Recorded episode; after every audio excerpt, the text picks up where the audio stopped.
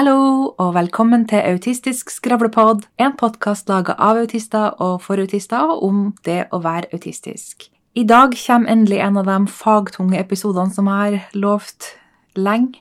Og som tittelen tyder på, så skal jeg diskutere Hans Asperger, personen, og drøfte hvorvidt han var nazistisk, og hva han faktisk gjorde. Grunnen til det er fordi at jeg i neste episode kommer til å snakke om hvorfor vi ikke lenger bruker Asperger-begrepet. Og Derfor vil jeg få denne episoden her om hans Asperger-person ut av veien først. Fordi det florerer en del myter på sosiale medier at fordi Hans Asperger var definitivt nazist, så var det definitivt grunn til at vi ikke lenger bruker Asperger-begrepet. Og det er egentlig ikke grunnen til at Asperger-diagnosen ble tatt ut.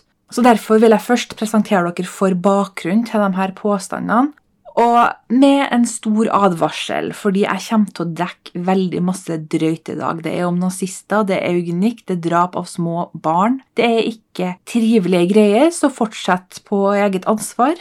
Det er den eneste advarselen som kommer i episoden her. På sosiale medier så vil du veldig ofte se en eller annen autist før eller siden som kaller seg sjøl for Asperger, og så dukker det en annen autist opp og sier 'Det må du ikke kalle deg sjøl. Asperger var nazist.' Og så fortsatte de med å si at det var Asperger som oppfant spektrumet, funksjonsstempel og i det hele tatt hele Asperger-syndromet. Og det er veldig mye der som ikke stemmer. Jeg hadde bare en erfaring her om dagen hvor jeg diskuterte her med en autist jeg kjenner, og han sier da at 'Å, ja, Asperger han drepte jo tusener av barn'. Og nei, det gjorde han ikke. For det første, nei, Hans Asperger oppdaga ikke spekteret alene. For det andre, Hans Asperger fant overhodet ikke opp funksjonsstempel, men det her er en myte som florerer blant autister på nett. Og for det tredje, hvorvidt han var nazist eller ikke, er egentlig ikke grunnen til at vi slutta å bruke betegnelsen Asperger. Så jeg vil ha diskusjonen om hvorvidt han var nazist ut av veien før vi kommer til del to av denne episoden, så den kommer vel antageligvis om to uker. I denne episoden skal jeg snakke om Hans Asperger, så du kan gjøre deg opp din egen mening om hvorvidt han var nazist, og hva det har å si. Og så kommer jeg til å snakke om hvor mye arbeid hans egentlig kom ifra, og hvorfor det ikke blir rett å avføye forskninga hans, sjøl om det kom fra absolutt naziokkuperte Østerrike og alt som det bærer med seg. Han Hans Asperger var altså barnepsykiater i Wien i Østerrike fra og med 30-tallet, og han var veldig veldig interessert i autistiske barn og gjorde klinisk og forskningsarbeid med dem. Han var aller mest kjent for forskningsartikkelen som han ga ut i 1944 om autistiske barn, som favna hele spekteret. Det er ganske viktig å påpeke, fordi det går en myte om at Hans Asperger bare så dem som har blitt kalt for høytfungerende, et begrep jeg også kommer til å diskutere videre. Men det stemmer ikke. Hans Asperger hadde hele spekteret foran seg som han studerte. Men så er det nå det her med eugenikk, fordi det var ansett som svært legitimt på 20- og 30-tallet, enten du var nazist eller ikke. Bare husk på steriliseringslovene i Norge. De ble vel vedtatt med bare én stemme imot på Stortinget. Så det er klart at det var ikke bare Hans Asperger, det var hele samtida. Og Hans Asperger passa rett inn i det. Han hadde veldig sterke biologiske overbevisninger som ga forklaringer som passa kjempebra med nazistene sin rasehygiene. Og attpåtil så var hans sjef og mentor, Frans Hamburger, absolutt nazist og eugenetiker. Så det er utvilsomt at Hans Asperger var omringa av nazister. Så det som ofte diskuteres, da, er jo hvorvidt han var nazist. Uh, var han en kollaboratør, eller var han en Schindler? Var han en eugenetiker, eller var han en opportunist, eller bare en vanlig person som eksisterte under ekstreme forhold? Alt dette diskuteres stadig vekk, og jeg kan jo si allerede nå at det er ikke et veldig klart svar, men det er absolutt mye materiale for å gjøre seg opp en mening. Det er også verdt å nevne at han aldri var medlem av nazipartiet, sjøl om de aller fleste kollegaene hennes var det. Og Bevisene for at han var nazist, er ganske få, men det er noen, og det er noen som er absolutt veldig drøy. For å starte med det litt enklere, han signerte en del brev med Heil Hitler. Og klart det kan ha vært nødvendig for å beholde stillinga si, og det kan ha vært noe han oppriktig entusiastisk skrev. Det er jo veldig vanskelig å si når man ser på atferden til folk under totalitært naziregime. Men det verste er at han har sendt barn til døden. Det vil si at han sendte barn til en plass som het Amspiegelgrunn, hvor barn ble avliva. Og det største diskusjonen mellom akademikere er jo hvorvidt han visste at Amspiegelgrunn-klinikken drepte de her barna. Jeg tror personlig at det må han ha visst. Det var et såpass tett miljø i Wien at hvordan kan han ikke ha visst det? Men det er mange som mener at det er ikke nødvendigvis at han visste. Det er heller ingen bevis for at han direkte henviste barn til døden, men han har henvist dem til klinikken. Han Kjetil Slagstad har skrevet om det her, heldigvis for oss, på norsk, så det kan dere lese. Jeg har linka til det i podkastepisodebeskrivelsen. Jeg skal bare lese et utdrag fra starten av den artikkelen. Hertha Skreiber ble 27.6.1941 undersøkt av den østerrikske barnepsykiateren Hans Asperger. Den to år gamle jenta hadde hjerneskade etter at hun noen måneder i forveien hadde blitt akutt syk med difteri og encefalitt. Asperger noterte alvorlig personlighetsforstyrrelse, største motorisk retarasjon, eretisk idioti, krampeanfall. Barnet må være en utholdelig byrde for moren som må ta seg av fem friske barn. Permanent plassering på Amspigelgrunn synes absolutt nødvendig. Fire dager senere ble Herta innlagt på Amspigelgrunn. En måned senere rapporterte sjefslegen ved Amspigelgrunn, Erwin Jekelius, til Rikskomiteen for vitenskapelig registrering av alvorlige arvelige og medfødte lidelser i Berlin at Herta led av idioti, søker ingen kontakt med omgivelsene. Rikskomiteen var ansvarlig for nazistenes hemmelige barneeutanisiprogram. I realiteten var eutanasi en eufemisme for nazistenes rasehygieniske, eugeniske drapsprogram. Jekelius krysset av på skjemaet for at Hertas tilstand var uhelbredelig, og at tilstand ikke ville virke inn på forventet livslengde. Det Jekelius ba om tillatelse til, var å avlive Hertha. En måned senere, 2.9.1941, dagen etter at hun hadde fylt tre år, ble Hertha avlivet. Og dette er det eneste barnet vi vet med sikkerhet at Hans Asperger sendte denne klinikken hvor hun ble drept. Og Asperger kunne jo henvist barna til andre plasser, så ut ifra det så er det jo grunn til å tro at han så på avliving som en akseptabel siste utvei og at han mente at det var innafor dersom barnet hadde alvorlige funksjonsnedsettelser. Men igjen så er det viktig å huske på at under nazistregimet så var det lovpålagt å rapportere funksjonsnedsatte barn. Til og med foreldrene til de her ungene uttrykte takknemlighet for det. Det er det verste av det her. Eh, eksempel i sykehusjournalen så står det at Hertas mor sa gråtkvalt om hun ikke kan bli hjulpet, er det bedre om hun dør. Det ville ikke være noe for henne i denne verden. Hun ville bare blitt latterliggjort av andre. Igjen så tar jeg med det her, og Kjetil Slagstad tar med det her for å vise at det her var hele samfunnet under totalitært naziregime, og på en tid hvor eugenikk var svært vanlig. Så var det nå det her med at Asperger satt på en komité som bestemte hvilke barn som skulle sendes til den ene og andre klinikken. Men det påstås også at han kan ha sittet på denne komiteen for å kunne redde flest mulig barn, så det er jo et annet argument. Jeg kan sammenligne det her litt med det som heter the trolley problem som brukes veldig mye i filosofi, hvor du har en person som står på ei bru, og rett foran så er det to togspor hvor toget er på vei mot en gjeng folk som jobber på togskinner men det er en spake som du kan dra i, og da skifter toget spor, der hvor det bare er én person som står og jobber. Så spørsmålet om du vil være med på å være ansvarlig for at den ene personen dør, hvis du kan redde mange personer. Så det er en del folk som mener at det kan ha vært grunnen til at Asperger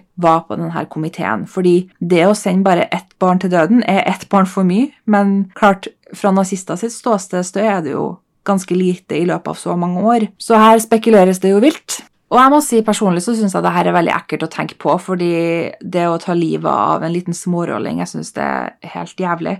Men så har jeg heller aldri levd under et totalitært regime, så jeg kan på en måte ikke se for meg hva ville jeg gjort hvis jeg jobba på en klinikk hvor plutselig så skulle alle ungene jeg jobber med, bli dømt til døden. Hadde jeg, sant? Det, jeg synes, det går ikke an å se for seg. En annen ting som trekkes fram ofte, er en forelesning som Hans Asperger holdt, som var ganske proppa full med naziideologi i 1938, akkurat da nazistene hadde tatt over landet. Men klart, når du holder en forelesning for et publikum av nazister, så er det også mulig at han kan ha fremheva de mest lovende tilfellene som han jobba med, fordi nå var det nye lover som var retta mot dem som var mer skal vi si, utprega. Og her er det masse diskusjon om Hans Asperger her argumenterte for at det var autister som var verdt å ha i samfunnet, og noen som ikke var det, og om han har vært rot til det her forferdelige skillet mellom høyt og lavt fungerende, som er begreper vi absolutt ikke bør bruke, men som har vært i bruk om autister. Men hans Asperger påpekte at autister sine funksjonsnedsettelser var uatskillelig fra talentene deres. Og dette er ganske viktig å presisere, fordi f.eks.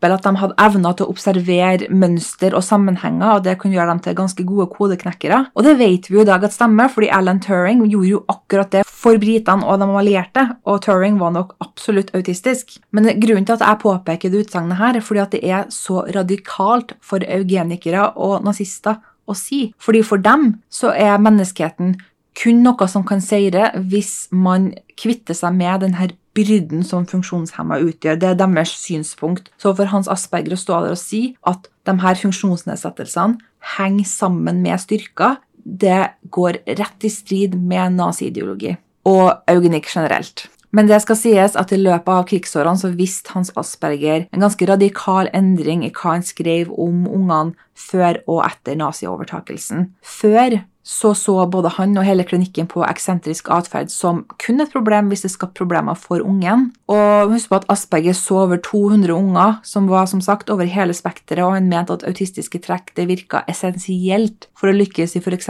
vitenskap og kunst, som igjen går stikk i strid med nazistene sitt syn på ting. Så det er absolutt tenkelig at han tilpassa tekstene sine til nazi-ideologi og språk for å beskytte karrieren sin, men det kan også ha vært for å beskytte ungene.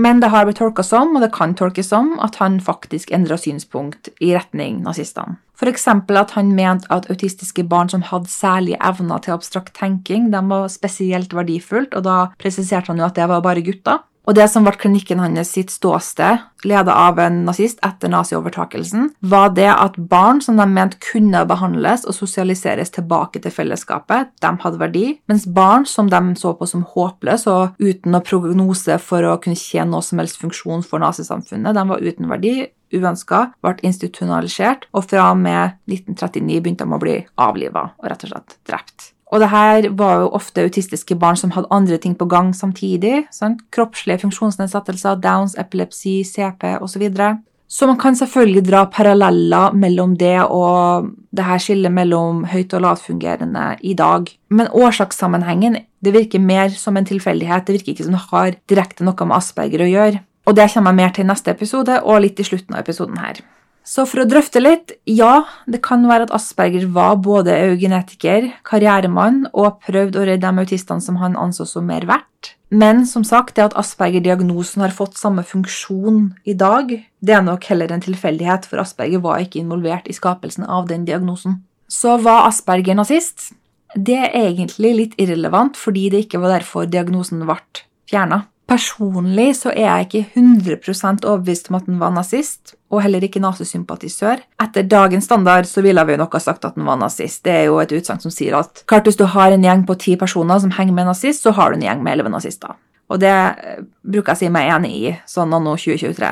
Men klart, under et totalitært naziregime så er det jo mye vanskeligere å være sikker. Klart Hvis du viste motstand, så risikerer du et skudd i nakken, og det så vi jo tilfeller på, f.eks. medisinstudenter som motsatte seg eugenikklæren. De ble halshugd. Så kanskje prøvde Asperger å unngå det her, eller så kan han vært en kynisk karrieremann, eller kanskje til og med en Schindler-skikkelse som gjorde det som var nødvendig for å beskytte flest mulig autistiske barn. Jeg vet ærlig talt ikke, og det vil vi strengt tatt aldri vite heller, før vi omsider får en skrevet tilståelse fra Aspergers i grav. Men når det er sagt, så er det mye som tyder på at han var enig i samtida sine eugenikklære, som var utbredt både blant dem som var, og dem som ikke var nazister. Jeg er som sagt ikke 100 overbevist om han var nazist, men jeg kan forstå at det for mange er fullstendig irrelevant hva han identifiserte seg som, når han allikevel var en av de mange tannhjulene som utgjorde nazimaskineriet. Jeg tror bare at hvis han hadde vært en overbevist nazist, så ville han ha gjort mye mer skade og sendt enda flere barn til døden. For meg så virker det litt som han bare gjorde det som var rent minimum for å ikke vekke nazistene sin mistenksomhet.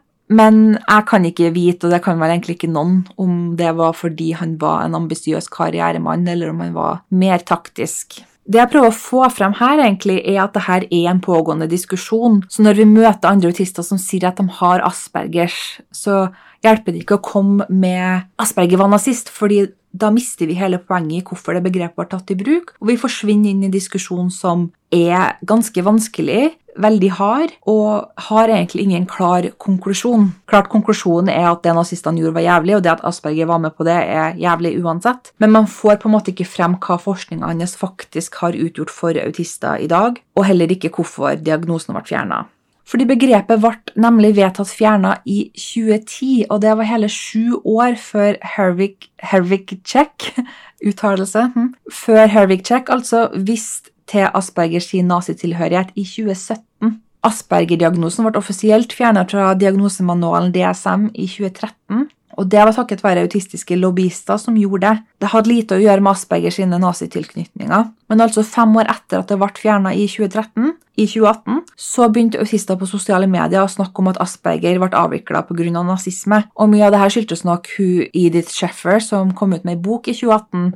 Hennes fremstilling sammenligna med Czech er nok mer ensidig, fordi hun er, hun er litt mer si, tabloid, og det ligger litt mer følelser i det. Hun er mor til en autist og bruker mye av arkivmaterialebevisene som jeg har snakka om nå, mot merkelappene autisme og Asperger, og mot hans Asperger sitt arbeid som helhet, og det for meg blir veldig, veldig feilslått. Fordi det var ikke bare Asperger som jobba med det her. Og det kommer jeg til om litt, men jeg vil bare si det at det har vært veldig masse debattert frem og tilbake mellom Czech og en annen historiker som heter Falk. Og du kan selvfølgelig lese det de har skrevet frem og tilbake med, mellom hverandre. Jeg skal linke til det også, men jeg kan absolutt anbefale å lese Kjetil Slagstad sin artikkel fra 2019 og Steve Silberman sin artikkel som var allerede skrevet i 2016, og begge er linka til under. De er veldig gode, begge to. Steve Silberman er jo han som har skrevet boka Neurotribes bare året før denne artikkelen, og han er mye mer sympatisk overfor hans Asperger og ser nok mer på han som en som prøvde å overleve naziregimet med minst mulig dødsfall. Og det er jo å nevne at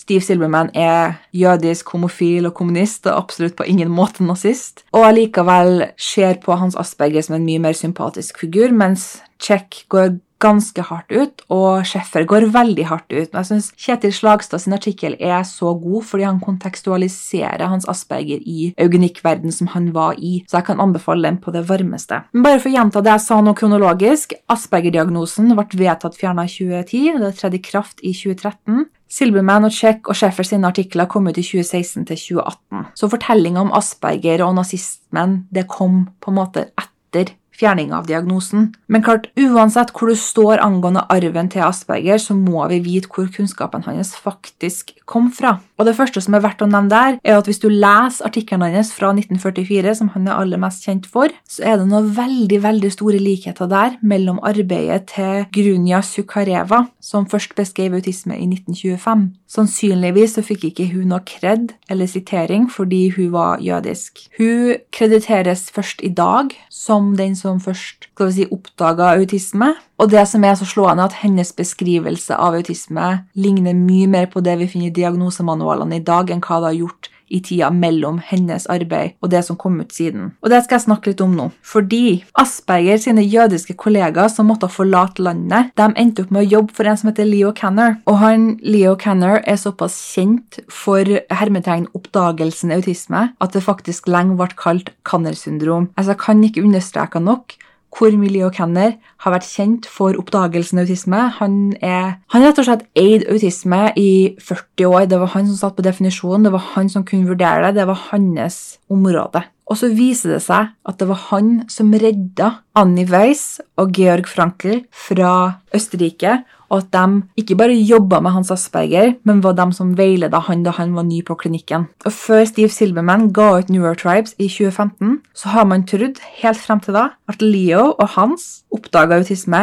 hver for seg ved en ren tilfeldighet. Men så viser det seg da, som sagt, at Leo Kenner redda Asperger sine jødiske kollegaer, Georg og Annie, og at det var deres pasientobservasjoner som Asperger baserte sin 1944-artikkel på. Og når han Leo Connor ikke skjønte bæret da han møtte sin aller første autistiske pasient, så sendte han den pasienten til Georg Frankel, som hadde begynt å jobbe for Connor allerede i 1937. Og det var Georg Frankel som hadde lært opp hans Asperger. Så det som er helt utrolig, er jo at Leo Canners sin forskningsartikkel fra 1943, som virkelig gjorde han kjent for å oppdage oss, og Hans Asperger sin artikkel fra 1944, begge inneholdt lange paragrafer fra pasientobservasjonene til Georg Frankel og Annie Weiss. Så det er jo tydelig at er samme pasientobservasjonene som ble til Asperger sin hva han kalte autistisk psykopati, og det er Canner kalt infantil autisme. Men som jeg har antyda til, han Leo Canner han var absolutt veldig ambisiøs.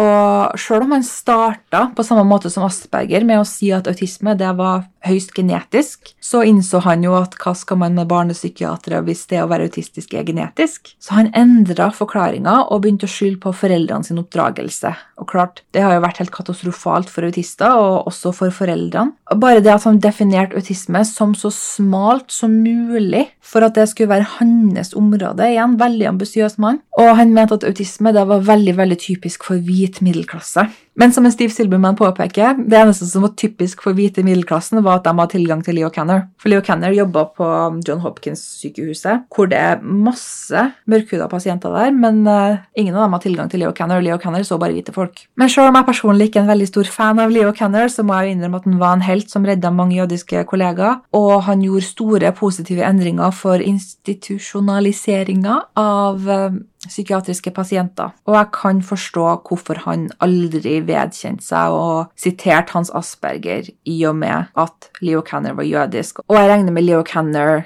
hadde sine mistanker om at Hans Asperger hadde nazitilknytninger, i og med at han fortsatt jobba på klinikken som Georg og måtte flykte ifra, og at den klinikken var kjent for å ha en nazistisk sjef. Så da kan vi jo lure, da, hvorfor ble det hetende Kanner syndrom og ikke Frankels syndrom? Og Kanner var jo for så vidt ålreit nok til at han oppfordra Frankel til å publisere, men til syvende og sist så forlot Frankel autismefeltet fordi han endte opp med å assosiere den forskninga med en veldig smertefull periode i livet hans, hvor klart han måtte rømme fra landet sitt, og det er jo bevis som har kommet fram på at mora hans ble drept i Treblinka konsentrasjonsleir, så han fokuserte heller på å behandle barn enn å studere dem, og han døde i 1975, seks år før Asperger sitt arbeid skulle komme frem i lyset i 1981, altså hans arbeid. Men det er én ting jeg syns er fint at Steve Silberman har påpekt, og det er jo at Hans Asperger og Georg Frankel tok umiddelbart kontakt med hverandre igjen etter at krigen tok slutt, og de hadde god kontakt livet ut. Så jeg vet ikke, hvis Hans Asperger var en gjennomsyra nazist, så tror jeg ikke Georg ville ha hatt noe med han å gjøre. Men igjen, det kan ikke jeg vite noe om. Men det er én ting som ofte forsvinner i denne diskusjonen om Asperger var nazist eller ikke, som er veldig viktig å huske på, og det er at Asperger sitt arbeid, at det ble ignorert i flere tiår fordi det kom fra naziokkuperte Østerrike, har vært katastrofalt for autister. Og det var generelt svært positivt for oss at det arbeidet før eller siden ble gjenoppdaga. Og det er jo nettopp fordi Asperger sitt arbeid ikke var tilgjengelig på engelsk før i 1991, så har autister som ikke passa den snevre definisjonen som Leo Canner kom på, de har blitt ekskludert fra tilrettelegging og andre tilbud, og diagnoser for øvrig, og det ville jo vært autister, som f.eks. oss. Så for å runde av så var det Zuccareva som oppdaga autisme på 1920-tallet. Og så var det Asperger, Frankel og Weiss og kollegaene deres som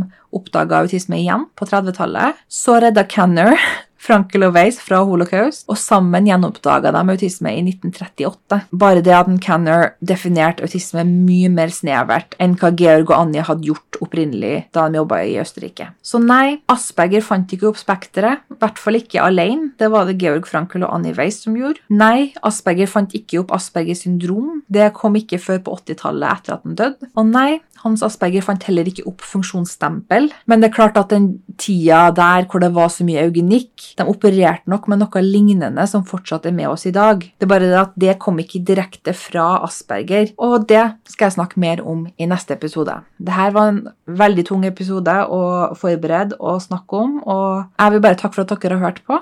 Så snakkes vi i neste episode. Ha det bra. Vi snakkes.